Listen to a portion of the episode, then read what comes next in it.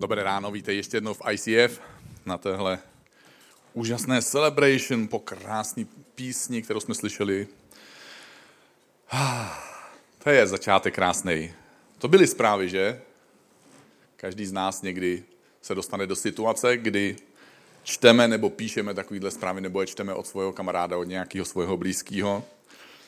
Před 14 dny jsme se tady modlili za svoje blízký, za lidi, který máme rádi, za svoje VIP. Mnozí z vás jste tady dávali svoje prozby a modlili jsme se, aby Bůh působil v jejich životech, aby jsme měli příležitost s nima na základě toho nějak mluvit, aby jsme měli moudrost, aby jsme dokázali použít slova tak, aby tomu rozuměli to, co jim chceme sdělit, aby jsme měli odvahu to vlastně využít, tu příležitost a aby lidi mohli poznat Ježíše. A já měl hned následující týden, minulý týden jsem měl uh, s jedním z našich příbuzných možnost mluvit o Bohu, protože za mnou jedna moje příbuzná přišla a říkala mi, že nás sleduje přes internet a že občas sleduje kázání že se jí líbí, že nikomu nic nevnucujeme a že o to víc jí to přitahuje. A ptala se mě, jak by to mohla udělat, aby mohla uvěřit. A lidi kolem nás pro lidi kolem nás je to někdy těžké uvěřit. I pro nás samotné je někdy v některých věcech těžké věřit. A je pro nás někdy těžké věřit, protože máme pocit, že Bůh bude asi někdy taky trochu, nebo bude mít takový temný, divný kouty ve, svoji, ve svém jakémsi nitru nebo v té boží duši, protože jak by Bůh mohl dovolit, aby se narodilo handicapované dítě, jak to, že Bůh dovolí, že opilec zabije na přechodu autem otce čtyř dětí, když Bůh dovolí, aby kvůli válce utíkali lidi, miliony lidí ze svých domovů, když dovolí, aby naši rodiče umřeli předčasně. A ukazuje se, že pro lidi není těžké věřit, když poznají, jaký Bůh je. Ale je pro lidi těžké věřit v ten překroucený obrázek, který často o Bohu lidé mají.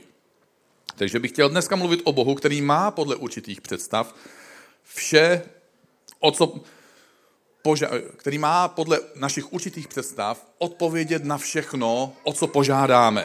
A měl by nám to poskytnout ideálně okamžitě. A měl by mít přeci všechno skladem, ne? Protože to je velký Bůh, všemohoucí Bůh, má přeci k dispozici celý to nebe. Jo? A takže když ho požádám, tak by mi to přeci měl dát ne? Je to tak? Někdy máme ten pocit, někdy jsme o tom přesvědčení, někdy jsme o tom skálopevně přesvědčení. A když Bůh náhodou neudělá všechno, o co ho žádám, tak máme najednou pocit, že kdo ví, jestli Bůh existuje, nebo pokud to neudělá, tak možná není všemohoucí, možná na to nemá sílu, možná na to nemá prostě. A nebo to prostě není dobrý Bůh, on mi to nepřeje. A kdysi to my už vlastně mnozí z nás nepamatujeme. Možná, že když vyjedete někam na vesnici, takže někteří lidé to ještě znají, protože pracují v zemědělství, ale kdysi člověk musel zasít a pak musel počkat, až to vyroste, než to sklidil a musel nakrmit nějaký zvíře domácí, než ho podojil, než měl mlíko, nebo než dostal nějaký to vajíčko. Dneska my máme takový kouzelný krabičky, menší, někteří v kapsách, nebo větší, takhle na stolku. My tam takhle jako něco naťukáme a za 70 minut nám dorazí hotové jídlo. Ne jako syrový vajíčko a mouka a můžeš začít. A prostě hotové jídlo, paráda. Dneska vám za 70 minut dovezou jídlo, za tři měsíce vám postaví dům, můžete bydlet, někteří teda, to dokážou takhle rychle, ne všichni. A když jsem, já kdysi jako vydavatel knih chtěl získat autorská práva od nějakého amerického autora, tak jsem musel sednout psacímu stroji, musel jsem naťukat dopis, protože um, můj rukopis těžko přečtu já, takže já to všechno píšu ve stroji. Od té doby, co přišly počítače, tak já jsem vděčný, že jsem se narodil v téhle době, já bych nemohl žít tak, jak žiju. A takže jsem to jako naťukal na stroji, pak jsem to vložil do obálky, pak jsem šel na poštu, tam jsem vystál teda tu frontu, že samozřejmě. A to byla nejkratší část celé té operace. Já jsem mnohem díl smolil ten dopis, než, protože jsem udělal chyby, že jak jsem to musel přepisovat znovu. Pak to šlo týden přes oceán A v případě, že by jako ty lidi dostali dopis, okamžitě řekli, je, pan Skokan nám píše tady z České republiky, honem ho otevřeme, musíme ho hodem odpovědět, aby to měl co nejdřív. Šup, píšou, jdou na poštu, taky vystojí frontu, taky posílali, zase týden to běží. A za 14 dní mám okamžitě odpověď, jo? to byla nejrychlejší možnost, která existovala. Pak přišel takový vynález, ten se jmenoval fax. Já vím, že některý z vás napadlo internet, ale ne, ne, prostě fax. Fax to byl, není to prostý slovo, to byla taková krabička, vypadalo to jako telefon, akorát to bylo větší, do toho jste vložili papír takhle, ono to jako tam lezlo, tak minutu a půl, bzz. já nebudu teďka dělat celou tu minutu a půl, bzz, nebojte. A abych vás přesvědčil, jako, že člověk musel mít trpělivost. A pak někde na druhé straně, pokud tam měli taky ten, tenhle ten fax, tak jim tam taky vylez ten papír nějaký. A normálně, pokud se to všechno podařilo, tak bylo i čitelný to, co jste napsali. Určitě ne obrázky, přílohy nebo tak, to neexistovalo. Takže dneska já napíšu e-mail, pošlu ho do Ameriky a když budu mít štěstí, tak možná ještě dneska mi odpoví a možná ještě dneska budu mít smlouvu a můžu mít smlouvu s autorem, že můžu vydat jeho knížku, i když jsem ho nikdy neviděl a během jednoho dne, někdy i během hodiny a někdy během pár minut dokážu vyřídit a my dokážeme díky těmhle možnostem vyřídit spoustu věcí. Proto dneska víc než jindy my, když přistupujeme k Bohu, tak stavíme modlitbu na tom známém principu netrpělivého člověka, netrpělivého křesťana, který se modlí, bože, dej mi trpělivost, teď, hned. A když Bůh neudělá to, o co ho žádám, pak buď neexistuje, nebo není všemohoucí, nebo to nemůže být dobrý Bůh. Takže my se pomodlíme za něčí zdraví a nestane se to hned a všechno je najednou špatně. Chceme všechno a chceme to teď. A máme pocit, že Bůh by se měl chovat stejně jako vysokorychlostní internet. Takže teď jsem zaplatil kreditní kartou, teď si to stáhnu, to, co jsem si zaplatil, a teď se na to budu dívat. Jo? Jsem zařadil to placení. Já vím, že někdy z vás stahujete bez placení, tak to prostě je jiná kapitola, zase jiný kázání. Teď jsem se pomodlil, teď si to jako stáhnu a teď to bude fungovat. Ha! Kde jsi, Bože? Nic. Já ti přeci dávám, dá, dá, dá, dá, dávám 10%, jo, kreditka, Bože, zaplaceno. Jo, sloužím ti, jo, servis provádím, prostě všechno dělám. V církvi sloužím, jednou za měsíc dokonce. Já se k tobě i modlím, i tu tvoji Bibli ti čtu, jako, tak kde je moje požehnání, Bože? Kde jsou moje odpovědi? To asi tedy Bůh není všemohoucí, nebo není vůbec. A nebo mě prostě asi nemá dneska rád. Co já jsem to vlastně včera udělal špatnýho. Ale takový Bůh neexistuje. Je to naše někdy překroucená představa Boha. My někdy milně přistupujeme k Bohu jakém, jako k jakému si dodavateli. My jsme odběratelé, on je dodavatel, takže přistupujeme k němu pod takovým tím heslem náš zákazník, náš pán a já jsem zákazník. Chápeš, Bože? Co jsi ty teďka?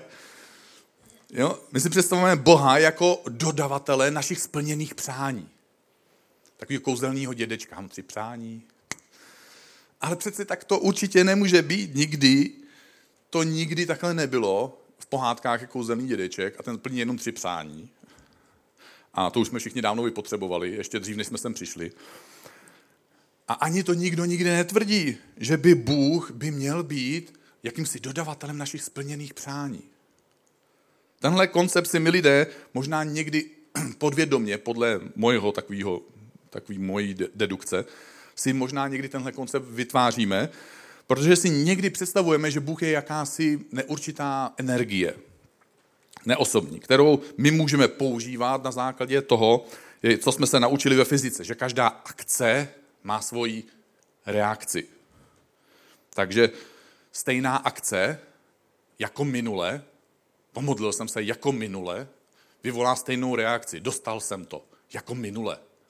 A jsme překvapení, že splníme bod A a nestane se to B. Jakože modlitba, splněné přání. Modlitba, splněné přání. Protože z našeho pohledu to vlastně je modlitba a, bože bacha, splněný rozkaz. To si nevěděl. To nebylo přání, jakože udělej, jak chceš, nebo co myslíš, že je nejlepší. Ne, já jsem se pomodlil Bože a už by mělo přistávat tady. Jakoby Bůh neměl žádnou vůli. Jako, že, by, že může říct ano, nebo ne, nebo nevím, nebo počkej, nebo myslíš si, že je to pro tebe to nejlepší, nebo jakoby neměl vůbec žádné právo nás odmítnout, protože Bůh nemá jako práva nás odmítat. Jediný, kdo tady má práva někoho odmítat, jsme my přeci. A jakoby nevěděl víc, než víme my.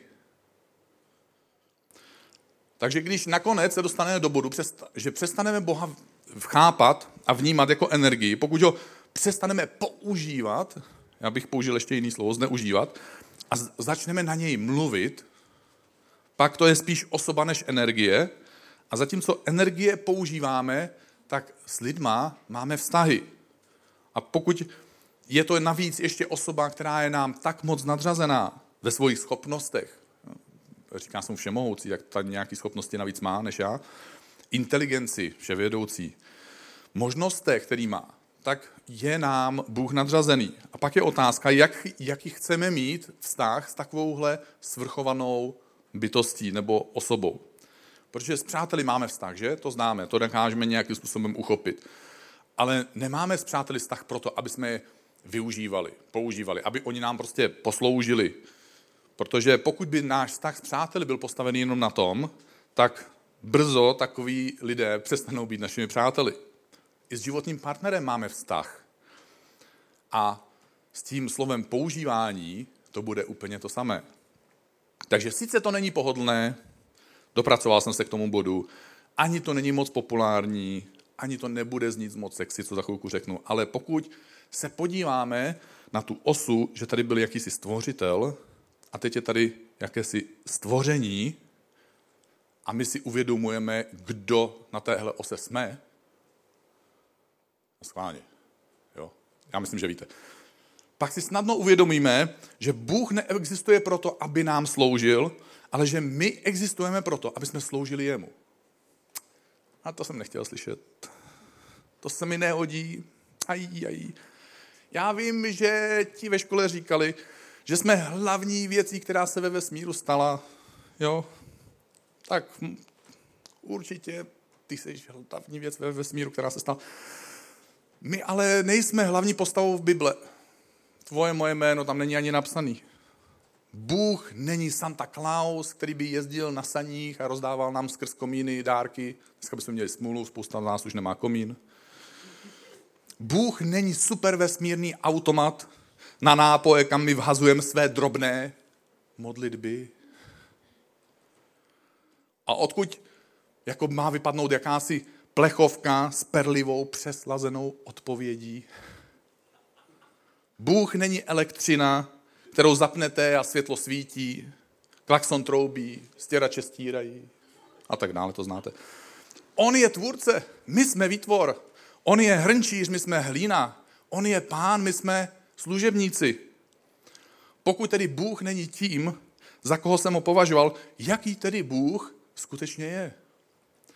Takže první předpoklad, kterým se, se kterým můžeme přistupovat k Bohu, je, že skutečný Bůh vždy a za všech okolností miluje. Pokud jsi rodič, což dneska ráno je snadnější říct tuhle větu, pokud jsi rodič, tak pro tebe neexistuje moment, kdybys nemiloval svoje děti. Jasně, jo, už jsem slyšel tu námitku takovou tu, prostě, kterou si vlastně, kterou si hned začal potlačovat, jakože děti nás někdy rozčilují, ano, někdy nás unavují, ano, někdy nás připravují, přitahují, přitlačí až na, na kraj šílenství, ano, ale i tak, i tak je přeci nepřestáváme milovat, že? Přejeme si pro ně to nejlepší a nepolovujeme ve svém úsilí zajistit jim co možná nejlepší budoucnost, přítomnost, prostě prostředí a všechno. Je to tak? A současně i když máme tyhle děti, tyhle malí lidi, co se pochybují po našem domě, i v těch nejpodivnějších situacích rádi, tak jsou okamžiky, kdy pro ně neuděláme to, co oni si přejí. Takže kdo to znáte už, třeba když máte školní děti, tak to už znáte určitě. Nezapomeň si svačinu. Jasně, nezapomeň si svačinu. Jo, jo, myslím na to. Za půl hodiny sms. Mami, nemohla byste stavit ve škole? Jsem si nechala svačinu na stole. Jo. Proto je výhoda, když mají děti eh, školu daleko od domova. A druhá výhoda, pokud vy chodíte do práce a nemáte home office, jo, tak je to jednoduchý. Můžete říct prostě, já mám taky šéfa, víš, sorry. Nebo, to je taky, taky určitě známý a možná jste to vyzkoušeli i doma sami vy na rodiče kdysi. Nemáš nějaký úkol? V pohodě, ne.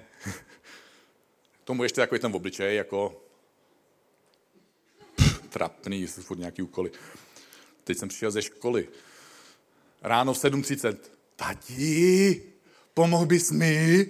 Já tady musím rychle udělat matiku. Jo? Samozřejmě, že bych ti mohl pomoct. Mohl bych ti pomoct. Ale chci, aby si v něčem vyrostl. Chci, aby se v něčem posunul. Já mám prostě lepší plán. Ty nejsi hodnej táta. Když pro tebe nebo pro mě Bůh něco neudělá, tak to neznamená, že mě nemiluje. V Biblii v dopisu Římanům se píše, co nás oddělí od Kristovy lásky. Tak schválně, co myslíte, že by nás mělo nebo mohlo jako křesťany oddělit od Kristovy lásky? A teď otazníky. Snad soužení? Snad úzkost? Nebo pronásledování? Nebo hlad? Náhota? Oj, to je nebezpečí? Nebo meč? Takže nikdo z nás tady, jak sedíme, tak asi nečelí a do, doposud nečelil takovýmhle překážkám. Protože nikoho z nás v tomhle části světa, nikoho z nás nikdo nepronásleduje.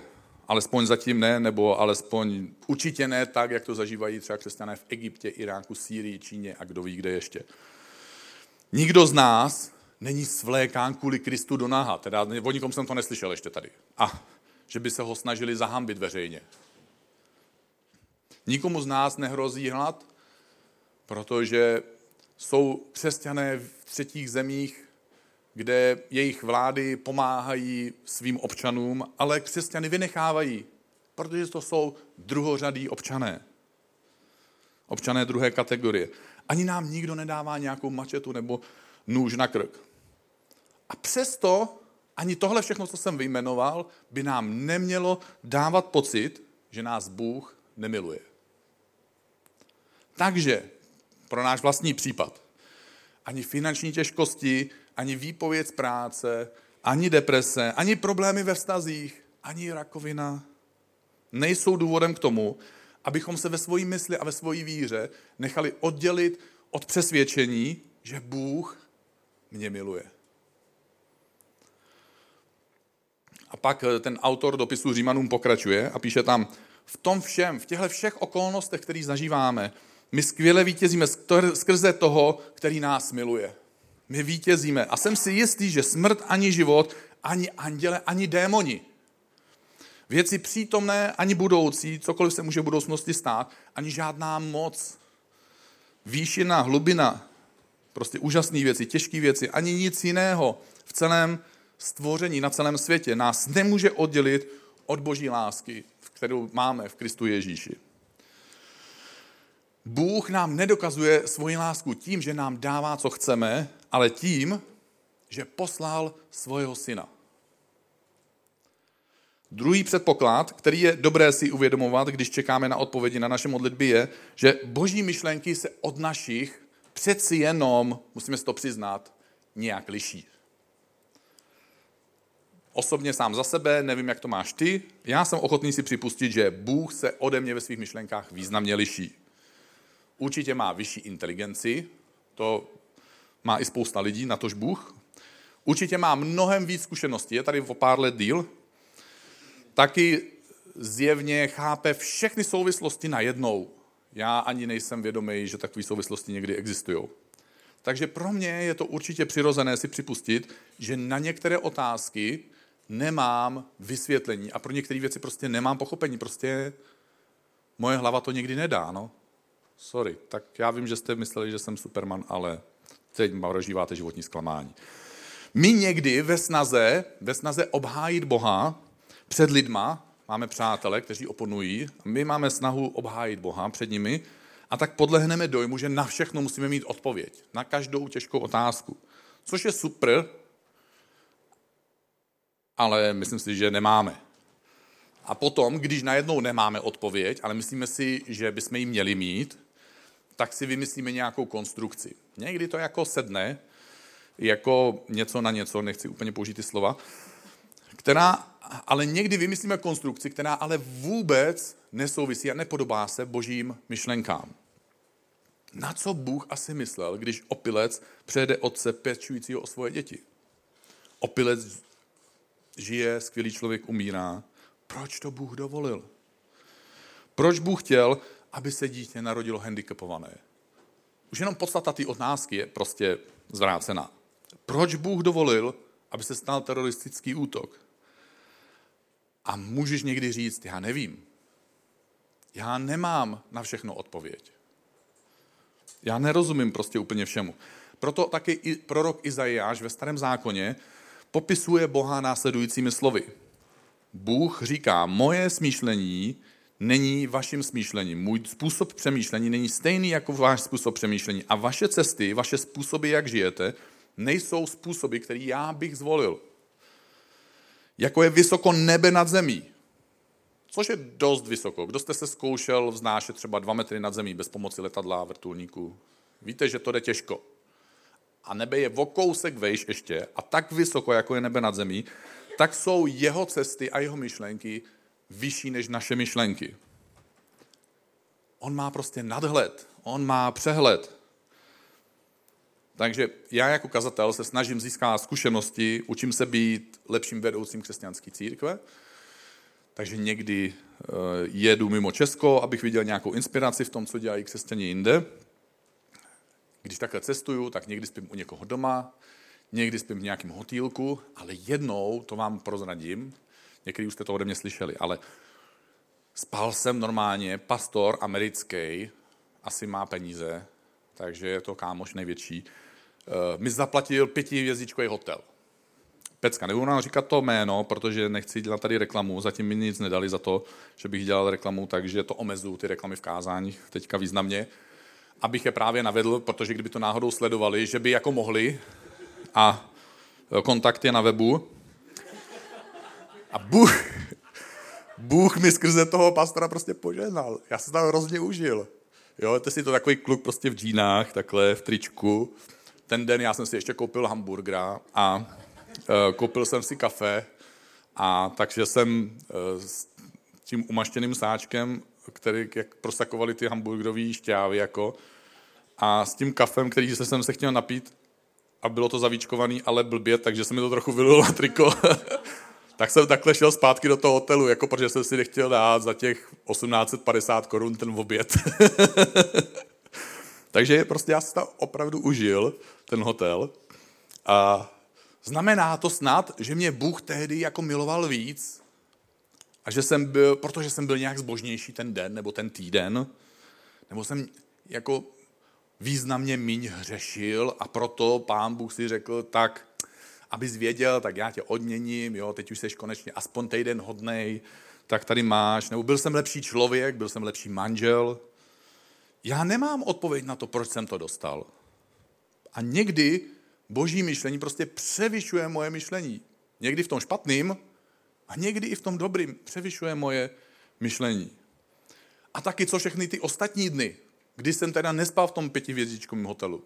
Třeba včera, dneska, zítra a dalších 362 dní, protože tři dny v roce spím v hotelu nějakým a třeba bude šance. Jako. A nebo taky ne. Jako, to už mě teda jako Bůh teda po zbytek roku jako nemá rád, nebo má mě rád míň, jo, nebo, nebo má s tím nějaký záměr, že teda nespím už teďka v tom pětihvězdičkovém hotelu, aby mě tím jako něčemu naučil. Když Bůh nám něco nedá, tak nás miluje stále stejně a právě proto, že nás miluje, tak nám někdy něco nedá. My prostě nerozumíme všemu, Bůh ví, proč se co stalo, co má jakou příčinu, co má jaký záměr. A taky ne všechno, co se nám děje v našem životě, je boží příčina. A když se nám pak dějí těžké věci, tak bychom si měli uvědomit další předpoklad, s kterým můžeme přicházet k Bohu. A to, že ne všechno v našem životě byl nebo je boží záměr. Na počátku Bůh stvořil krásný, dokonalý funkční svět, dal ho do rukou lidem, Adam, Eva, potom následně v každé generaci, včetně nás, my selháváme, takže svým selháním způsobujeme, že svět není v božích rukou a ne vše, co se děje na světě, se děje z boží vůle nebo z božího záměru. Takže třeba já svým dětem říkávám, aby když lezou do auta, tak aby se moc nedávali prstíky a neopírali se moc vlastně o ty futra těch dveří. Protože by je to mohlo skřípnout. Jaký je můj záměr, když jim to říkám? No, aby se jim neskřípnuli, že? To byla složitá myšlenka. A e, já takhle prostě hrozně složitě vychovávám děti. Takže když tam potom ty prsty mají a náhodou se ty dveře od auta zavřou a skřípnou se jim tam ty prstičky, always, always. Jo, oni jsou měkoučky ty dětský, takže oni se tak jako vytvarují, ono to většinou dobře dopadne. Takže prostě to necháte, on se zase narovná. Jako vy se smějete, ale to fakt vypadá normálně úplně kouzelně, jako ty dětský prsty prostě to, co dokážou přežít. Takže co já udělám jako táta? No pofoukám, že? Pofoukám, potěším, pomazlím, u nás říkáme poňuňám ještě, dokonce i to udělám. Takže udělám to, ano, udělám to. Jo. Měl jsem zájem a nějaký záměr speciální, aby se dostalo? No ne, neměl. Využiju tu situaci, abych je poučil, abych je varoval, aby se jim to třeba příště nestalo, aby byli opatrnější. No jasně, že ano. A budu teda od teďka svým dětem pravidelně skřípat prsty do dveří, abych je teda, jako aby mě konečně poslouchali když jim něco vysvětluju, aby se teda něčemu naučili? No ne, že? My někdy nedostaneme pětihvězdičkou odpověď, nebo se nám stane něco, čemu jsme dali maximálně jednu, možná dokonce nula hvězdiček, a hned se objeví v našem životě chytrák. Jo? A ten říká, to se asi mělo stát. Um, asi se směl něčemu naučit. Asi ti Bůh tím chce něco naznačit. A někdy dokonce ten chytrák je v naší hlavě. A říká nám to zevnitř. To je horší, protože od něj nemůžete odejít. Přes zubu mu taky nedáte, nevím, co s tím uděláte. Kde je psáno, že všechno, co mě napadne o Bohu, nebo tebe, kde je napsáno, že všechno, co člověka napadne o Bohu v jeho hlavě, je prostě automaticky pravda. To tě Bůh asi chce něčemu naučit. Tudududum, výhra 10 tisíc. Kde je napsáno, že každá naše představa o Bohu, která se nám vybaví v hlavě, je pravdivá? Co když jeho myšlení a jeho představy jsou vyšší než moje? Wow. Co když je boží představy jsou vyšší než moje nábožné myšlení, které já jsem se naučil poté, co jsem se stal křesťanem, začal jsem chodit mezi křesťany, začal jsem si číst tu křesťanskou knihu, které se říká Bible a přišel jsem ještě z toho dalších křesťanských knih a poslechl jsem si spoustu křesťanských kázání. Co když boží myšlení je vyšší než naše myšlení? Dokonce i naše křesťanské myšlení. Rouhání, Co když teda Bůh není vždycky příčinou všeho, co se děje? Že naše prstíčky se taky skříply ve dveřích, ale my už je nemáme tak měkoučky, že? Always, always. Co když věděl, co se může stát a naopak nás varoval předem? A my jsme prostě svojí neposlušností ublížili sami sobě. Co když je tu ještě navíc, kromě toho, že my jsme jakoby já nechci říct blbý, ale prostě někdy se nedá pomoct, jako. Já jsem včera odcházel z oslavy našeho kamaráda, který měl třicetiny, dostal jsem sms od manželky, že už bych měl být doma a kluci se mě ptali, ty už jdeš? A já jsem říkal, dostal jsem sms od manželky, funguje to takhle. Chytrý mu napověz, blbý kopni, já musím dostat sms -ku. Ale číst umím a zařídit se pak taky umím. Ale navíc, kromě toho, že teda my máme jakoby tu vlastní, jakoby ten vlastní chybový systém, člověk faktor, co když je tu ještě boží nepřítel? Co když je tu boží nepřítel, který chce, abychom se v životě trápili, protože je to jeho záměr, je to jeho záliba, je to jeho poslání, je to jediný, co umí, je to jediný, co ho baví a je to jediný, co dělá. Co kdyby tady takový nepřítel existoval? A co když navíc, když se mu podaří, aby jsme se trápili, se nás snaží od Boha oddělit tím, že vinu za to, že se trápíme, hodí na něj. Není to geniální? Takže já jsem se trochu rozhonil, ale nemůžu prostě uvěřit tomu, že Bůh se nazývá dobrým otcem a to tak dobrým otcem, že tvrdí, že my pozemský otcové, jako třeba já, se snažím být hodný táta. Jako opravdu se snažím, nejsem úplně dokonalý, ale snažím se. A Bůh o sobě říká, že ve srovnání s ním já jsem pořád ještě zlej. Takže jestliže Bůh je takhle moc dobrý,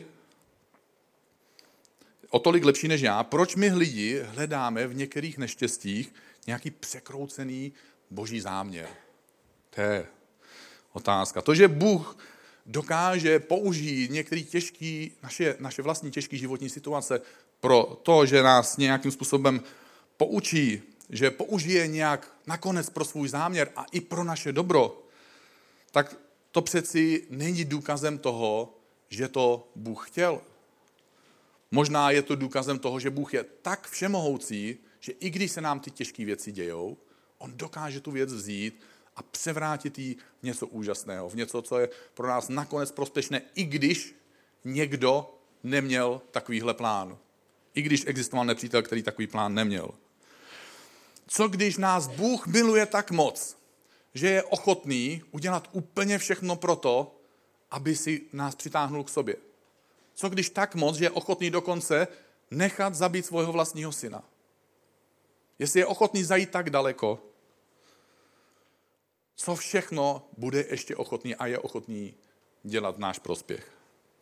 A tím jsem se přiblížil k poslednímu předpokladu, se kterým můžeme přistupovat k situacím, kdy máme pocit, že nám Bůh neodpověděl tak, jak jsme chtěli, nebo hned, jak jsme chtěli, nebo tak rychle, jak jsme chtěli. A ten předpoklad zní takhle. Jeho přítomnost je větší, je víc než všechno ostatní. Jeho přítomnost v mém životě je víc než všechno ostatní. Všimli jste si, že my lidi často voláme k Bohu, prosíme ho o pomoc a zažíváme jeho skutečnou blízkost i v těch opravdu těžkých situacích. Já teďka po vás nechci, abyste se hlásili, protože byste se určitě přihlásili všichni a vy, co byste se nepřihlásili, tak byste se stydili, že se nehlásíte. Takže my prožíváme boží blízkost, když jsme v těch životních údolích. A když máme ty životní vrcholky, tak na ně zapomínáme. Když, jsem, když mě bylo dva, něco málo přes 20, tak jsem byl na biblické škole ve Švédsku a přijel jsem tam, neměl jsem nic, měl jsem jednu, jednu banánovku, jsem neměl ani tašku, takže jsem to měl v banánovce. Takže tím nic, myslím, že jsem neměl ani našetřený peníze na školu, abych jim měl čím zaplatit. Taky jsem neměl peníze, s kterými bych zaplatil nájem. Eh, nějaký hodný švédi, křesťani, to se křesťanům stává, eh, se nade mnou slitovali, na první 14 dní mě ubytovali zadarmo, než se porozlídnu, než si zajistím. Nevěděli, jak velký nic mám. A každým dalším dnem se končil blí, kon, ten, ten konec těch 14 dnů. Navíc já jsem neměl práci, kterou bych si mohl vydělávat. Já jsem neměl ani víza, abych mohl jako si vydělávat. Eh, uměl jsem už 8 lekcí angličtiny, takže i kdybych náhodou jako to všechno měl, tak stejně bych se v té práci nedorozuměl. Takže jsem nemohl ani pro, pořádně pracovat. Takže víte, co jsem měl? Já jsem měl strach. A toho jsem měl opravdu hodně. Ten strach, ten strach mě vyhnal každý den za budovu té školy. Tam bylo pole a tam jsem chodil křížem krážem. Jestli mě někdo Slovák si říkal, to je divný zemědělec. jako, to nemá žádný systém, jo. Nedělá rukama jako takhle, jako že by něco rozsíval, dělá takhle, jako. No, ale to prostě... A tak jsem tam na Boha mluvil horem dolem. Jo, jsem ho přesvědčoval. A na tom poli já jsem si uvědomoval, že Bůh mě sem dovedl a tak mě i provedle provede. Takže teď mám takovou větu. Kam tě, když tě Bůh někam dovede, tak tě tím i provede. Do deníčku, jo, na Facebook, prostě kamkoliv. Můžete teďka, to je super. Teď povolený Facebook. Na tomhle poli já jsem si uvědomoval, že Bůh je jediný, co mám. A když se Bůh stane jediným, co máš, tak najednou se Bůh stane taky jediným, co potřebuješ. Takže neprodávej se levně, když jsi v těžké situaci. Hledej Ježíše především a nezaměňuj ty dočasné věci za ty věčné. Já se někdy jako pastor cítím trochu neklidný, když vidím lidi, jak se někdy až moc snadno vzdávají svojich ideálů, jak se neodváží ke štědrosti, k velkorysosti, k odpuštění a vymění svoje dočasné práva. Já mám přeci právo na štěstí. Mám právo, aby mě někdo měl rád. Moje manželka mě nemá ráda, já mám právo, aby mě někdo rád, tak si najdu nějakou jinou slečnu paní manželku. Mám právo na, já nevím, co všechno. A my to vyměníme za práva, za ty věční práva, za právo mít odpuštění, za právo mít čistý svědomí, za právo být s Bohem, za právo být božím dítětem. Starodávný izraelský král David je autorem mnoha žalmů, písní, takových starověkých, a píše v jednom ze svých nejslavnějších žalmů, v žalmu 23, i kdybych měl jít údolím stínu smrti, ničeho zlého se nebojím, protože ty se mnou jsi. Tvůj prut a tvá hůl mě potěšuje, uklidňuje, dává mi pocit bezpečí, pocit jistoty. Bůh nás vede někdy skrze údolí. Ano, ale když nás tam Bůh vede, tak je tam s námi. A mě uklidňuje, že vím, že i když je něco někdy v životě těžké, Bůh je tam se mnou. A mnohem raději jsem v těžkých věcech s Bohem, než ve snadných věcech bez Boha. Nevím, v jaký situaci jsi ty, nebo do jaké situace se dostaneš, nebo jakou těžkou otázku někdy dostáváš od, od svých přátel. Když se topíš a klesáš ke dnu a hledáš, od čeho by ses odrazil a najednou se snažíš něco nahmátnout a cítíš, že to je jenom bláto na dně a že vlastně nemáš pořád ještě od čeho se odrazit. Ten pevný bod, od kterého se můžeš odrazit, může být ve tvém životě Bůh. On může být tím dnem, na který vždycky dosáhneš. On tě vždycky miluje, jeho cesta je vždycky lepší, má vždycky dostatek moci, je vždycky s tebou a jeho přítomnost je nakonec to jediné, co potřebuješ. Cítím ho skvělý, já ho necítím taky skvělý. Protože on je se mnou, i když ho cítím, i když ho necítím. Prostě je takový, on si nemůže pomoct. My neuctíváme Boha proto, co dělá. My uctíváme Boha proto, jaký je proto, jaký má charakter. My neposuzujeme Boha podle situací, v kterých jsme, my posuzujeme situace podle toho, jaký je Bůh. Možná nám Bůh nesplní všechny naše přání.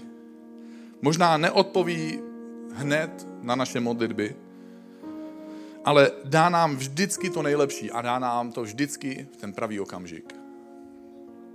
Takže jestli chceš, pojď se se mnou modlit a můžeš se k tomu postavit. Bože, my ti chceme otevřít svoje srdce, chceme ti otevřít dneska ráno svůj mysl a svůj život. A chceme si uvědomit, že nás převyšuješ. Že jsi někdo, kdo tady byl na začátku, kdo tady byl dřív, než začal pojem začátek existovat. A že my jsme tvůj výtvor, že jsme tvoje hlína, že jsme v tvojí ruce a že nás tvaruješ a připravuješ a používáš si způsobem, kterým si zvolíš ty. Že ne vždycky všemu rozumíme, a že taky kolikrát sami věci pokazíme a spoustu zla a trápení způsobujeme sami sobě. Taky víme, Bože, že je tady náš nepřítel,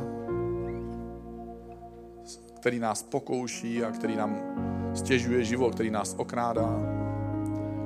Ale Bože, chceme si vždycky znovu uvědomit, že za všech okolností jsi Bůh, který nás miluje, že jsi Bůh, který je nám blízko, který má dobrý plán pro náš život. A Bože, děkujeme ti bez ohledu na to, co cítíme a bez ohledu na to, jak těžký to je, že jsi náš Bůh, že jsi ten pevný bod, že jsi to dno, od kterého se vždycky můžeme odrazit i v tuhle chvíli. Ve jménu Ježíše Krista. Amen.